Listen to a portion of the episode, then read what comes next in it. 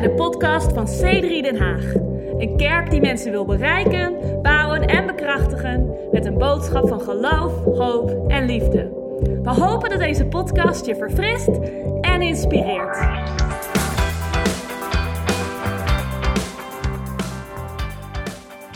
We gaan beginnen met een nieuwe serie. Die heet uh, Family uh, and Friends. Yep. Friends and Family. Uh, en, en ik wil vandaag een tekst voorlezen uit Johannes 15, vers 12. Dit, is een, een, uh, dit zijn de woorden van Jezus op een moment van transitie van zijn discipelen. En dit was een enorm belangrijk moment, want dit was een van de laatste gesprekken die Jezus zou hebben met zijn discipelen voordat hij zou sterven. Jezus had hen drie jaar lang gediscipeld, getraind, begeleid, gecorrigeerd. Uh, met name als het gaat om Petrus. Maar eigenlijk hun laten zien wat, welke dingen ze fout deden, welke dingen ze konden aanpassen. En dat gewoon puur training en coaching door Jezus. En ze komen op een moment die cruciaal is. En dat is eigenlijk een beetje het moment van uh, een gesprek wat plaatsvindt rondom het avondmaal. Uh, een van de langste stukken onderwijs of gesprekken die, we, die vastgelegd zijn in de Bijbel. Johannes is, is de enige die dit gesprek vastlegt. Goed gedaan, Johannes, right? anders hadden we het niet gehad. De rest van de discipelen waren dit gesprek helemaal vergeten, blijkbaar. Um, en, dan, en dan zien we dat Jezus het volgende zegt. Johannes 15, vers 12 tot en met 17 staat: Dit is mijn gebod dat u elkaar lief hebt, zoals ik u lief gehad heb. Uh, heb. Niemand heeft een grotere liefde dan deze, namelijk dat iemand zijn leven geeft voor zijn vrienden. U of jullie zijn mijn vrienden, als je doet wat ik je gebied. Ik noem je niet meer dienaren, want een dienaar weet niet wat zijn Heer doet. Maar ik heb u vrienden genoemd, omdat ik u alles wat ik van mijn vader gehoord heb bekendgemaakt heb. Niemand, of niet u, hebt mij uitverkoren. Ze zegt, jullie hebben mij niet gekozen, ik heb jullie gekozen. Ik denk dat dat een positie van nederigheid is overigens. Want soms denken we, ik heb God gekozen. Maar luister, God heeft jou gekozen. En dat is misschien complex, omdat je denkt van voorbestemming. Hoe werkt het dan precies? Kiest God mij en kiest God niet iedereen? Maar ik geloof simpelweg dat, dat velen zijn geroepen, maar weinigen zijn gekozen. Want wij kiezen ervoor om gekozen te zijn. Dat is een referentie naar een uitnodiging die, Jezus, die God stuurt uh, als uh, een verhaal van God als koning. Hij geeft een uitnodiging en iedereen werd uitgenodigd, maar niet iedereen kwam. En vervolgens zei Jezus, velen zijn geroepen, maar niet iedereen is gekozen. En ik denk dat voorbestemming en vrije wil heel erg goed samen kunnen gaan. Ik geloof dat God ons voorbestemt, maar dat God, dat God weet van tevoren wat wij willen. Maar ik geloof dat wij een complete vrije wil hebben om gebruikt te worden door God. Dus, dus Jezus zegt tegen zijn discipelen, luister, ik wil dat je realiseert, al, al denken jullie mij gekozen te hebben, omdat jullie hebben een keuze gemaakt. Jezus zei, kom en volg mij. En jullie kwamen, jullie hebben gekozen om mij te volgen. Jullie hebben een prijs betaald en uh, een leven afgelegd om een nieuw leven te beginnen. Ik wil toch dat je realiseert dat uiteindelijk het mijn initiatief was dat jij bij mij kwam. Wie is daar dankbaar voor iemand? Is er iemand dankbaar dat we uitverkoren zijn vandaag? Um, is er iemand dankbaar voor? ik realiseer me dat het retorisch klonk. En, uh, en, en, en, weinig mensen in de kerk zeggen: Nee, ik ben het er niet mee eens. Maar ik voel je daarmee vrij in. Als je zegt: Nee, absoluut niet. Laten we het gewoon publiekelijk doen op dit moment. Maar als je, als je houdt van wat we aan het bespreken zijn, um, voel je vrij om een, een, een, knik te geven als een indicatie van: hey, ik voel wat je probeert te zeggen hier op dit moment, best. Because yeah, you got it. Misschien wil je gewoon uh, onopvallend wijzen om te zeggen: Hey, yeah, I got, I got it. Dit, dit, is, dit, is mijn, dit is een woord voor mij. Of misschien wil je enthousiaster dan dat zijn. Voel je vrij, want God heeft jou uitverkoren vandaag om uh, jezelf uit te kiezen. Alright. Um, ik heb u ertoe bestemd dat u zou heen gaan en vrucht zou dragen. En dat uw vrucht zal blijven. Opdat wat u maar van de Vader vraagt in mijn naam, hij dat u geeft. En dit gebied ik u, dat u elkaar lief hebt. Amazing. Nou, ik ben niet een groot uh, fan van het kijken van sporten. Dat zou ik heel eerlijk bekennen. Ik realiseer me dat voor veel van de mannen in onze kerk dat het een teleurstelling is. Het liefst heb je een pastor die, uh, die de um, planning van de kerk compleet aanpast aan de Champions League en de UEFA League. Sterker nog, afgelopen connectseizoen um, was er een, een avond waar, waar ik me afvroeg van, hé, hey, waar zijn alle mannen? Niemand van de mannen had echt afgezegd. was meer zo van, uh, oh, ik kan uh, geen reden, maar meer van, ah, ik kan niet komen. En uiteindelijk kwam ik erachter dat Ajax uh, halve finale speelde in de Champions League. En dus ik, ik had het snel door. Dus fijn gevoelig als ik ben voor de geest van God. Zei ik, weet je wat we gaan doen? We gaan de Bijbelstudie snel doen. En we, en we, we, kijken Ajax. En toen we keken, viel Ajax uit. Wat was de halve finale? Um, dus ik weet niet of het hielp. Maar um, um, dus dus mannen, voel je overigens vrij als we dingen plannen tijdens, tijdens voetbal. Kijk even naar Hilke bijvoorbeeld. Hilke, en Deborah doen ook veel van onze planning. Als we dingen plannen tijdens voetbal of dat soort zaken, laat het ons weten, want ik ben niet een sportkijker. Right? Zijn de mannen dankbaar voor? Is er niet religieus om te zeggen, oh, ik heb wat geestelijke zaken, ik moet afronden. Zeg gewoon, hey, hey dude, het is Champions League. Kunnen we, uh, uh, snap je wat ik probeer te zeggen, kunnen we dit ergens om me heen plannen?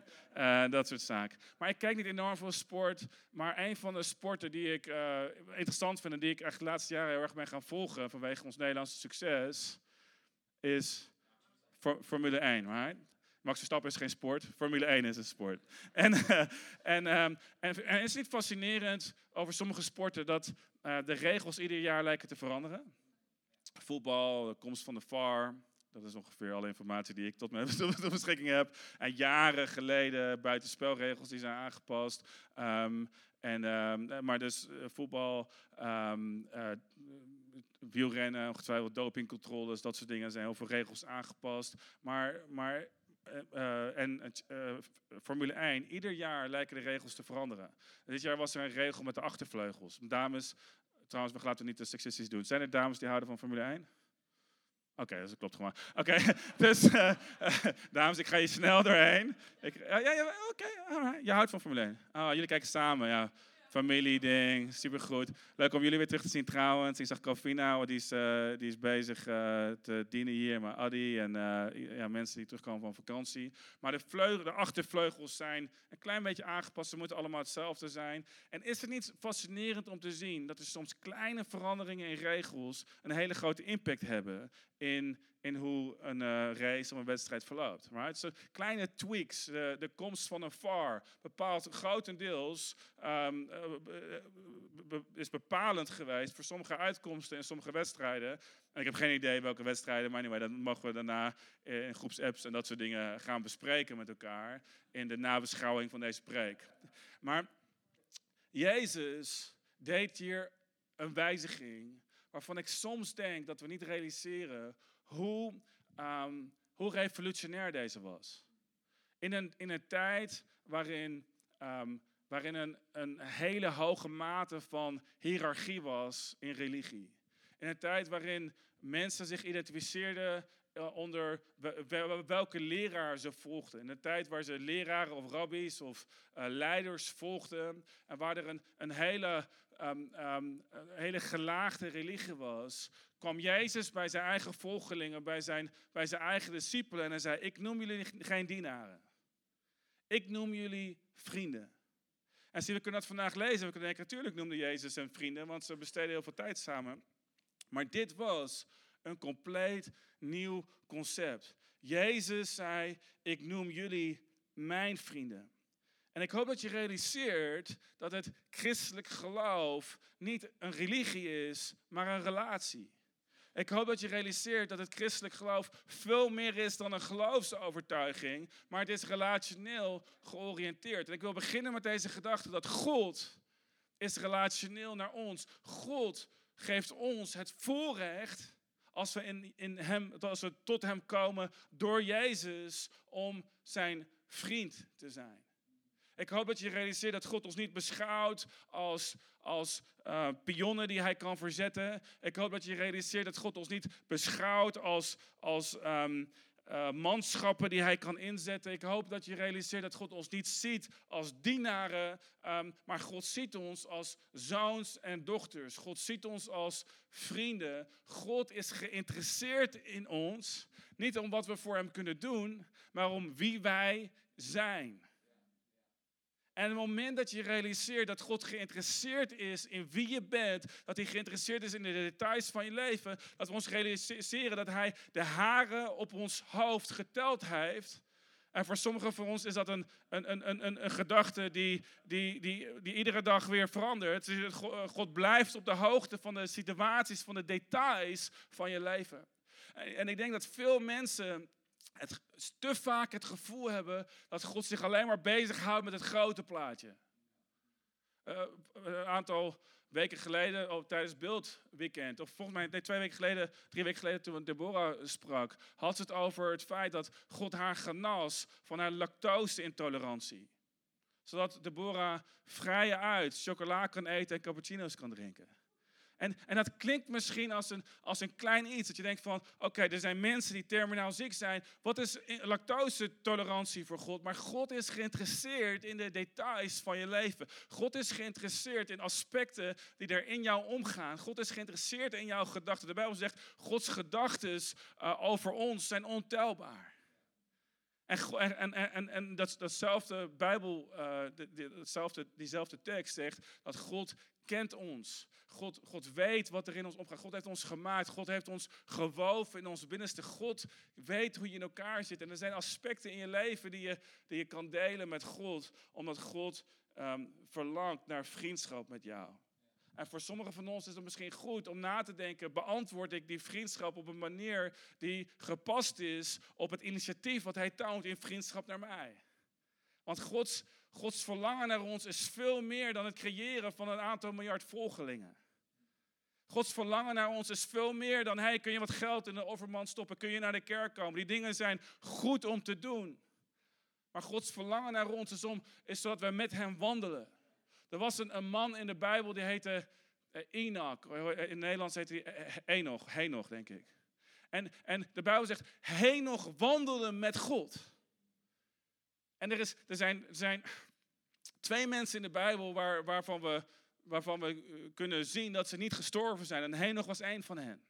En de Bijbel zegt, Henoch wandelde met God. En op een dag wandelde Henoch en, en hij was er niet meer omdat God, dat klinkt misschien een beetje bizar, ik realiseer maar als je niet christelijk bent, je denkt van, well, that's a little, that's a little interesting. Maar, maar mijn, mijn lezing is, is, dat, is dat, dat hij nog zo'n intieme relatie had met God. Dat God zegt, ik, heb, ik wil niet deze afstand, ik, ik wil niet deze afstand die gecreëerd is door zonde. Ik wil niet wachten tot ik Jezus stuur om je zonde weg te nemen. Ik wil een vriendschap met je. Je nog kom op hither.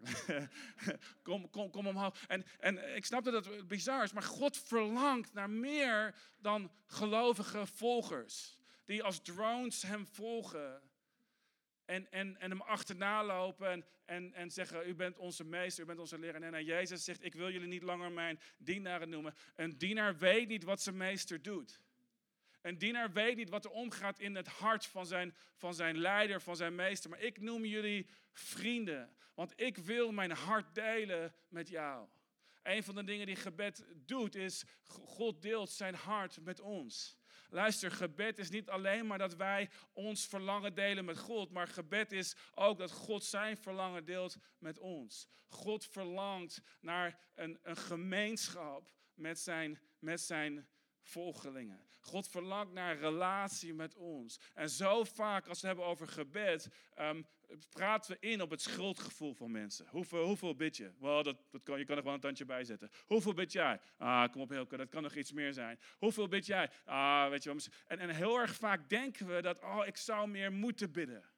Maar zie, wanneer we zien hoeveel God verlangt naar ons, dan zouden we meer moeten willen bidden. Want God verlangt niet naar plichtsgetrouwe gehoorzaamheid. God verlangt naar ons hart. God zei ergens in het Oude Testament, super specifiek, right? uh, hij zei, ik verlang niet offers. Ik verlang gehoorzaamheid. Zie, want soms denken we dat wij kunnen bepalen wat wij kunnen brengen. Maar God verlangt gehoorzaamheid. Waarom? Omdat God verlangt naar ons hart. En er zijn aspecten die we misschien God onthouden. Er zijn misschien gedachten, waar ik het net over had, teleurstellingen die we misschien onthouden van God. Want we denken, God, als we het hierover gaan hebben, dan wordt, ons misschien, dan wordt het misschien een moeilijk gesprek. Maar luister, God vindt het niet erg als je een moeilijk gesprek met hem, met hem wil voeren. Want Gods geest is in staat om je te bemoedigen en te troosten en een gemeenschap met je te, met, met je te hebben. En het laatste vers van 1 of 2 Korinthe. Volgens mij is het 1 Corinthians 13, vers 13 of vers 14 in een Nederlandse tekst. Staat de, de, de, de liefde van de Vader, ehm, de genade van Jezus en de gemeenschap van de Heilige Geest zijn met jullie allen. Amen. Drie essentiële aspecten. De liefde van de Vader, de genade van de Zoon En wat is de functie van de Heilige Geest? De gemeenschap met de Heilige Geest zijn met ons allen. God wil een nauwe relatie met ons hebben door zijn Heilige Geest. Kan ik een enthousiast ehm, amen, zo is het, preach it, white boy, bald man, the righteous are bold as a lion, dat soort teksten horen op dit moment. En ik realiseer dat ik dat compleet uit context heb gegrepen. Amen. um, God noemt ons vrienden. God noemt ons vrienden. Maar het interessante vind ik is dat het moment dat Jezus dit gesprek initieert, het moment dat Jezus deze gedachte initieert, deze revolutionaire gedachte, dat we niet alleen dienaren zijn met vrienden, zien we ook dat Jezus dit toepast naar elkaar. Want hij zegt niet alleen maar jullie zijn mijn vrienden, maar dan zegt hij hou van elkaar. Heb elkaar lief. Wees, wees, kan ik het zo zeggen, wees als vrienden, als familie voor elkaar. Want zie, God zegt, jij, jullie zijn geen groep dienaren, maar jullie zijn een groep vrienden.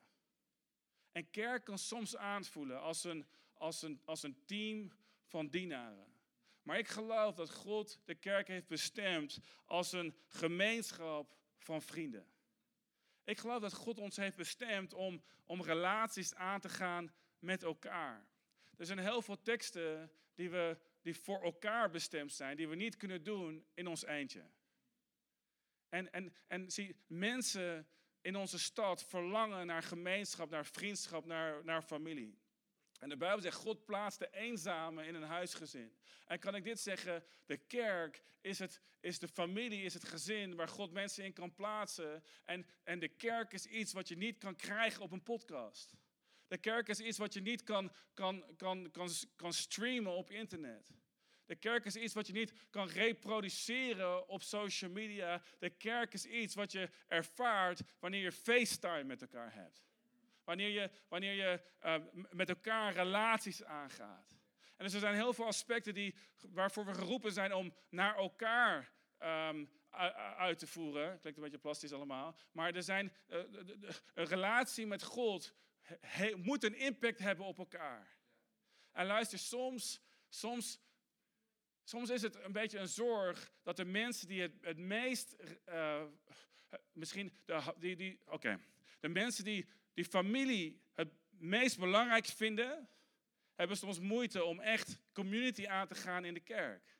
Omdat dit is mijn familie en dit is mijn kerk.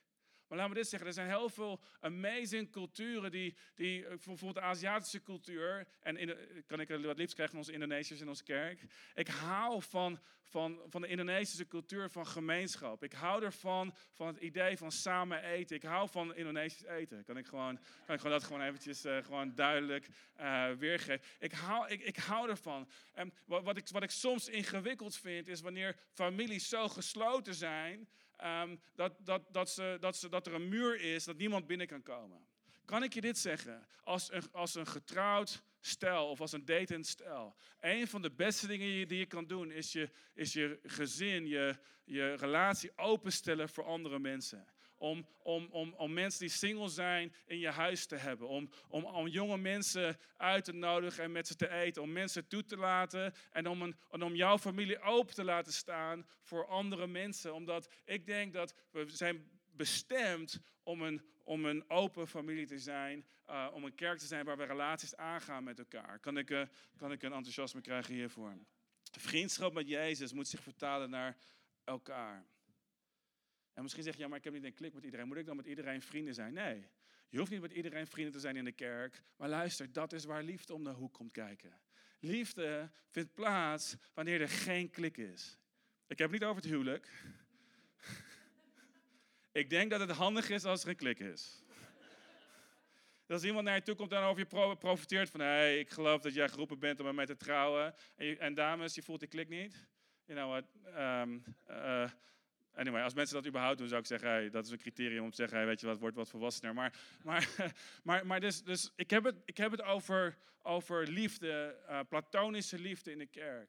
Er hoeft geen klik te zijn om lief te hebben. Sterker nog, liefde is sterker wanneer er geen klik is. En laten we met elkaar nadenken, hoe kan ik een toevoeging zijn aan een gemeenschap. Zie, kerk is niet een plek waar je lid van bent. Kerk is niet een plek waar je alleen dient. Kerk is niet een plek waar je naartoe gaat. Kerk is een gemeenschap. In Stedelijk in Den Haag, ons doel is simpelweg om een gemeenschap te creëren. Om een beweging van mensen eh, op te zetten waar God in kan werken. In Efeze beschrijft uh, Paulus de kerk als, een, als een, een, woonplaats van de Heilige Geest. En er zijn heel veel christenen die zeggen, ja, ik ben een tempel van de Heilige Geest. Klopt, dat is ook wat Paulus zegt. Maar Paulus zegt ook, wij worden samen in Efeze 2, samen gebouwd tot een woonplaats van de Heilige Geest, tot een tempel waarin de Heilige Geest aanwezig kan zijn.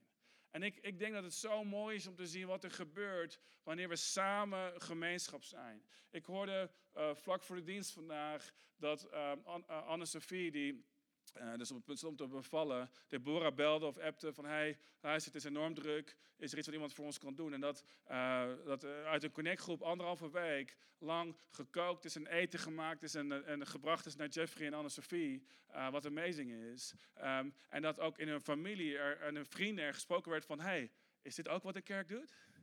En, en ik, vind het, ik vind het interessant, want, want dat is waar mensen positief naar de kerk gaan kijken. Wanneer ze zien dat de kerk meer is dan religie. Wanneer ze zien dat de kerk relaties vertegenwoordigen. Mensen die om elkaar geven. Mensen die, die, die naar elkaar geven. Er zijn een, een aantal mensen, uh, twee, uh, twee mannen die um, in relatie met de kerk of in de kerk uh, zaten, overleden in, in de afgelopen jaar. En het is zo bijzonder om te zien, um, sommige mensen, hoe, hoe bemoedigend ze zijn voor andere mensen die, die in verdriet zijn en die aan het lijden zijn. En de Bijbel zegt, wanneer de een lid lijdt, laat anderen dan met hem meelijden. Wanneer de een lid gevierd wordt, laat anderen dan met hem meevieren. En het is belangrijk dat we als kerk leren wat het betekent om, om te huilen met hen die huilen. En om, te, en om feest te vieren met hen die feest te vieren. Niet vanuit onze, onze eigen uh, beweegreden om te, om te zeggen, dus wanneer iemand gevierd wordt om te zeggen, hey, waarom wordt hij gevierd? Waar, waarom, waarom vieren we een feest voor hem? Om te zeggen, weet je wat, er is een feest dat gevierd wordt voor deze persoon. Iemand heeft een wonder ontvangen. Laten we elkaar, met elkaar vieren en laten we met elkaar huilen en laten we met elkaar lijden. Laten we de last samen dragen. Ik hoorde een verhaal van een connectgroep die vier maanden lang um, een huis schoonmaakte van iemand uit onze kerk. Omdat, vanwege bepaalde situaties. Amazing. Maar laat me ook dit zeggen, er is een verantwoordelijkheid die in ieder van ons heeft om een onderdeel te zijn van een gemeenschap. Paulus had het over weduwen die op een lijst werden gezet waarvoor gezorgd werd, um, maar, die niet, maar hij had het over bepaalde kwalificaties die belangrijk waren. En, en er waren mensen, ook in de vroege kerk, die misbruik maakten van gemeenschap. Waarom? Omdat ze ontvingen, maar niets teruggaven. Omdat ze, omdat ze zorg kregen, maar niks terugdeden. En Paulus zei, wees voorzichtig om, om mensen op de lijst te zetten waar je voor zorgt, zonder dat zij een onderdeel zijn van deze gemeenschap. En soms kunnen mensen liefde gebruiken om te manipuleren, om te, kan ik het zo zeggen, om te zuigen, om, om, om uit te trekken, om te zeggen, oh jullie, en dan komen ze met bijbelteksten zoals deze, hebben, hebben elkaar lief. Oh, ik heb het idee dat jullie wat liefdevoller kunnen zijn. Nee, nee, nee, nee, nee, nee, nee. Liefde is iets wat komt uit ons voor, voor, voor mensen. Maar dit, maar dit is wat ik fascinerend vind. Jezus zegt, liefde begint onder elkaar. Luister goed naar wat hier staat. Johannes schrijft later in 1 Johannes, liefde, liefde begint niet bij de wereld, liefde begint bij elkaar. Dit is hoe mensen zien dat wij discipelen zijn, dat wij elkaar lief hebben. Veel christenen beginnen bij de wereld, maar hebben weinig liefde voor elkaar. Veel evangelisten houden van de wereld, maar houden niet van de kerk. Alright? Heb je wel eens evangelisten horen spreken waarvan je dacht van oké, je hebt liefde voor andere mensen, maar liefde voor mij, valt er met je tegen? Nee, niemand, niemand van gehoord? Luister, God verlangt ernaar dat wij beginnen met liefde onder elkaar. Ik noem jullie geen team. Ik noem jullie geen groep dienaren. Ik noem jullie vrienden. Heb elkaar lief. Kan ik je bemoedigen met een, met een laatste gedachte? Um, en dat is een, een, uit de tekst uit Romeinen 12, vers 10. Um, En dit is, dit is een tekst die me laatst best wel trof. En ik wil die met je delen vandaag. Dat, dat er staat, heb elkaar hartelijk lief met broederlijke liefde. En luister hiernaar. Ga elkaar voor in eerbetoon. Ga elkaar voor in eerbetoon. Dus ik wil je aanmoedigen vandaag om voor te gaan in vriendschap. Ik wil je aanmoedigen om, om, om de eerste te zijn die anderen eert. En luister, om eerlijk te zijn, ehm, als ik soms naar mezelf kijk in mijn verleden, dan heb ik wel eens een soort van onbewust ehm, dat ik een balans bijhoud van vriendschap. Ehm, laten we bijvoorbeeld even kijken naar social media. Zijn er mensen die, die geneigd zijn om andere posts van mensen minder te liken als je zelf minder likes krijgt van die persoon?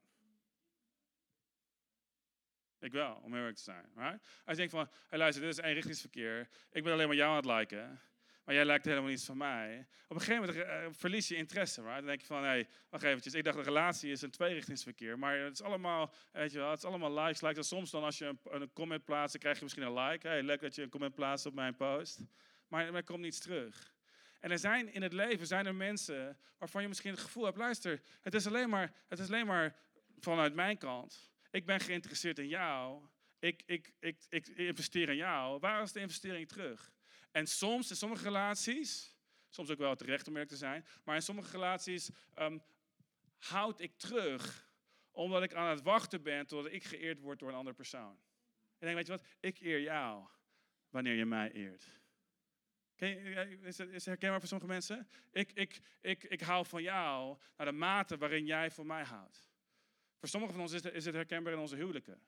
Schatje, ik hou van jou, maar het is belangrijk dat jij A, B, C, D uitvoert. En dan zul je liefde krijgen. Maar zie, liefde, dat, dat raakt volgens mij wat dieper. maar, maar, maar liefde gaat voor. Liefde gaat eerst. Paulus zegt, wacht niet op een ander om jou te eren. Oké, laat me dit persoonlijk maken. Wacht niet op een ander om te erkennen wat jij doet voor een ander. Maar doe het zonder dat je daarvoor erkend wil worden. Wacht niet. Eh, het zal altijd zo zijn in een kerk dat een klein gedeelte het meeste doet of het meeste geeft. Het zal altijd op een bepaalde manier waar zijn. Maar, maar, maar wanneer je geeft, geef je aan God. En geef niet omdat je denkt van, ja, luister, ik, ik geef je, wat is die andere? Ze huren hier een zaal, een kerk, een voorganger, een pastor, een team. Uh, we, kopen nieuwe speakers en dat soort zaken. Het is misschien tijd dat andere mensen geven. Nee, nee, nee, daar gaat het niet om. Ga elkaar voor in eerbetoon. Zie, um, Nicola is Nieuw-Zeelands. Um, dus zij weet het uit haar hoofd, maar ik moet mijn aantekeningen bekijken. De eerste persoon die de Mount Everest beklom in, op 29 mei 1953 was Sir Edmund Hillary. De eerste persoon die de Mount Everest beklom. De tweede persoon hebben de meesten van ons nooit van gehoord, behalve Nicola. Nicola heeft ervan gehoord. Maar wie van ons kent de tweede persoon die de Mount Everest beklom? Niemand. Zie je, want het interesseert mensen niet wie tweede is. Want grootsheid wordt gezien in wie het eerste is.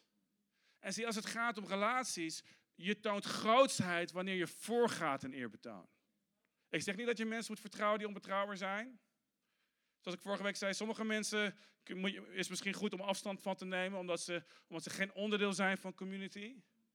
Maar laten we als kerk, kerk, laten we een beslissing maken om te zeggen, ik ga voor in het eren van anderen. Als er één lid geëerd wordt, dan eer ik mij. Als ik het gevoel heb dat ik tekort kom, geloof ik dat God mij zal aanvullen. Als ik saai, dan geloof ik dat ik zal oogsten. Als ik vergeef, dan geloof ik dat ik vergeven ben. Als ik lief heb, geloof ik dat ik lief gehad ben door God. En ik geloof dat als we als kerk een gevende, liefdevolle community zijn, en ik denk dat we dat zijn, maar in toenemende mate in aspecten van ons hart de reserveringen wegnemen om te zeggen, weet je wat, ik vier jou, ik, ik geniet van jou, ik geniet ervan als andere kerken groeien en succesvol zijn. We, we, we bidden voor andere voorgangers, we houden van andere leiders, we, we, we moedigen onze collega's aan die promotie hebben gemaakt. Hallo. We, we, dienen meer dan de persoon naast ons. Want zie, vriendschap kan nooit gebruikt worden als een excuus voor, voor gemiddeldheid. Hé, hey, ik dacht dat we vrienden waren. Ik dacht dat dit genoeg was. Ik bedoel, we zijn toch vrienden? Huh? Mijn, mijn lousy houding naar anderen is toch oké? want we zijn toch vrienden? Ik bedoel, ik dacht dat we vrienden waren. En sommige mensen behandelen vriendschap als een soort van: hé, hey, maar, maar, maar want ik, ik krijg iets van jou. Maar luister, vriendschap is niet bedoeld voor zo'n houding. Vriendschap brengt het beste in je naar buiten. Want Jezus zei: van elkaar, heb elkaar lief. Ik denk dat het enorm bemoedigend kan zijn voor ons om te realiseren: grootheid wordt bepaald door wie eerst gaat. Dus jij kan vandaag een keuze maken in je familie om de eerste te zijn. De eerste om te eren. De eerste om te vergeven. De eerste om te geven. De eerste om te dienen. De eerste om lief te hebben. Ja, maar ik, ik doe het als jij. Nee, nee, nee. Wees de eerste. Want grootheid wordt gezien in wie het, wie het eerste is. Misschien kan er bij naar voren komen. We gaan hier afsluiten. Is dit behulpzaam kerk? Ik geloof dat het zo goed zal zijn voor sommigen van ons. Om vandaag we een keuze. Een paar weken geleden maakte ik bewust een keuze. Om te zeggen, weet je wat, ik ben, ik wil de eerste zijn die eert. Ik wil de eerste zijn die anderen viert. Ga elkaar voor en eer betalen. En laten we als kerk bekend staan om het feit dat wij de eerste zijn om andere kerken te vieren, om, om andere mensen te eren. In je team om te zeggen, hey man, ik wil je bemoedigen voor wat je doet. Ik kijk niet naar mezelf, maar ik kijk naar, naar wat jij, jij doet. En zonder dat ik er onzeker van word, zie ik dat God dingen aan het doen is in je leven. Jij bent een wonder. Jij bent, God is dingen aan het doen in jouw leven. En dat neemt niets af van wie ik ben. Zie Gods liefde. Mensen, Gods liefde is meer dan genoeg. Gods liefde is zo groot dat als één persoon een wonder ontvangt, neemt dat niets weg van Gods potentieel om een wonder te doen in ons leven. Gods eer is zo groot dat als God één persoon verhoogt, dat het niets afneemt van zijn capaciteit om jou te verhogen op de juiste tijd. Maar voor, soms, voor sommige momenten in ons leven is er een test waar hij God wil zien. Ben je bereid te eren? Ben je bereid om voor te gaan in eerbetoon wanneer je niet gezien wordt? Want wie het kleine eert, zal meer gegeven worden. Bedankt voor het luisteren naar deze podcast. Wil je er op zondagochtend ook een keer bij zijn? Je bent van harte welkom. Ga voor meer informatie naar c3denhaag.nl